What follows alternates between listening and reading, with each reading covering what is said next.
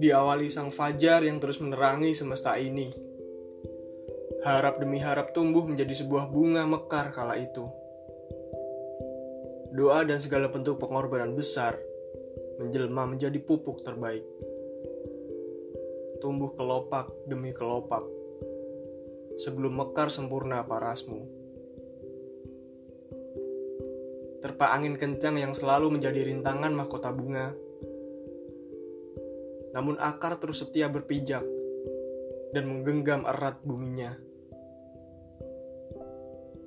Seiring waktu berlalu, hembus angin pun mulai memudar, menjauhi pekarangan. Sebegitu setianya pengorbanan akar kepada mahkota bunga agar tetap tumbuh dan terlihat mekar sempurna. Hari mulai larut Fajar pun tak terlihat bingarnya, menyisakan awan merah merekah sore itu. Berharap surya esok akan kembali untuk dapat menyinari rona merah mahkota bunga. Tiba waktunya mentari untuk menunjukkan kehangatannya. Namun, awan hitam pekat yang menyambut pagi itu